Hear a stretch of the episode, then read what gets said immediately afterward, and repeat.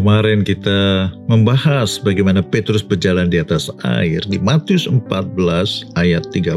Tetapi ketika dirasanya tiupan angin, takutlah ia dan mulai tenggelam. Lalu berteriak, Tuhan tolonglah aku. Segera Yesus mengulurkan tangannya, memegang dia dan berkata, Hai orang yang kurang percaya, mengapa engkau bimbang? Wah kita pikir sayang banget Petrus ini udah jalan di atas air ke ujung-ujungnya bimbang karena ada tiupan angin saja. Namun kita mungkin juga mengalami seperti itu ya. Kita sudah mengalami mujizat.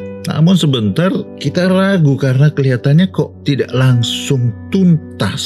Tapi hal yang kecil bukan badai hanya tiupan angin juga membuat Petrus berpikir aduh jangan jangan saya bisa tenggelam nih dan apa yang dia percaya itulah yang terjadi pada dia tenggelamlah dia tapi untungnya Tuhan menolong dia ketika dia berteriak minta tolong karena kita lupa ya kita sudah sering kali mengalami mujizat dari Tuhan lalu ada peristiwa yang membuat kita ragu situasi kelihatannya memburuk atau situasi kelihatannya bertentangan dengan yang kita harapkan. Memang manusia itu susahnya punya short memory. Kita lupa, Petrus lupa.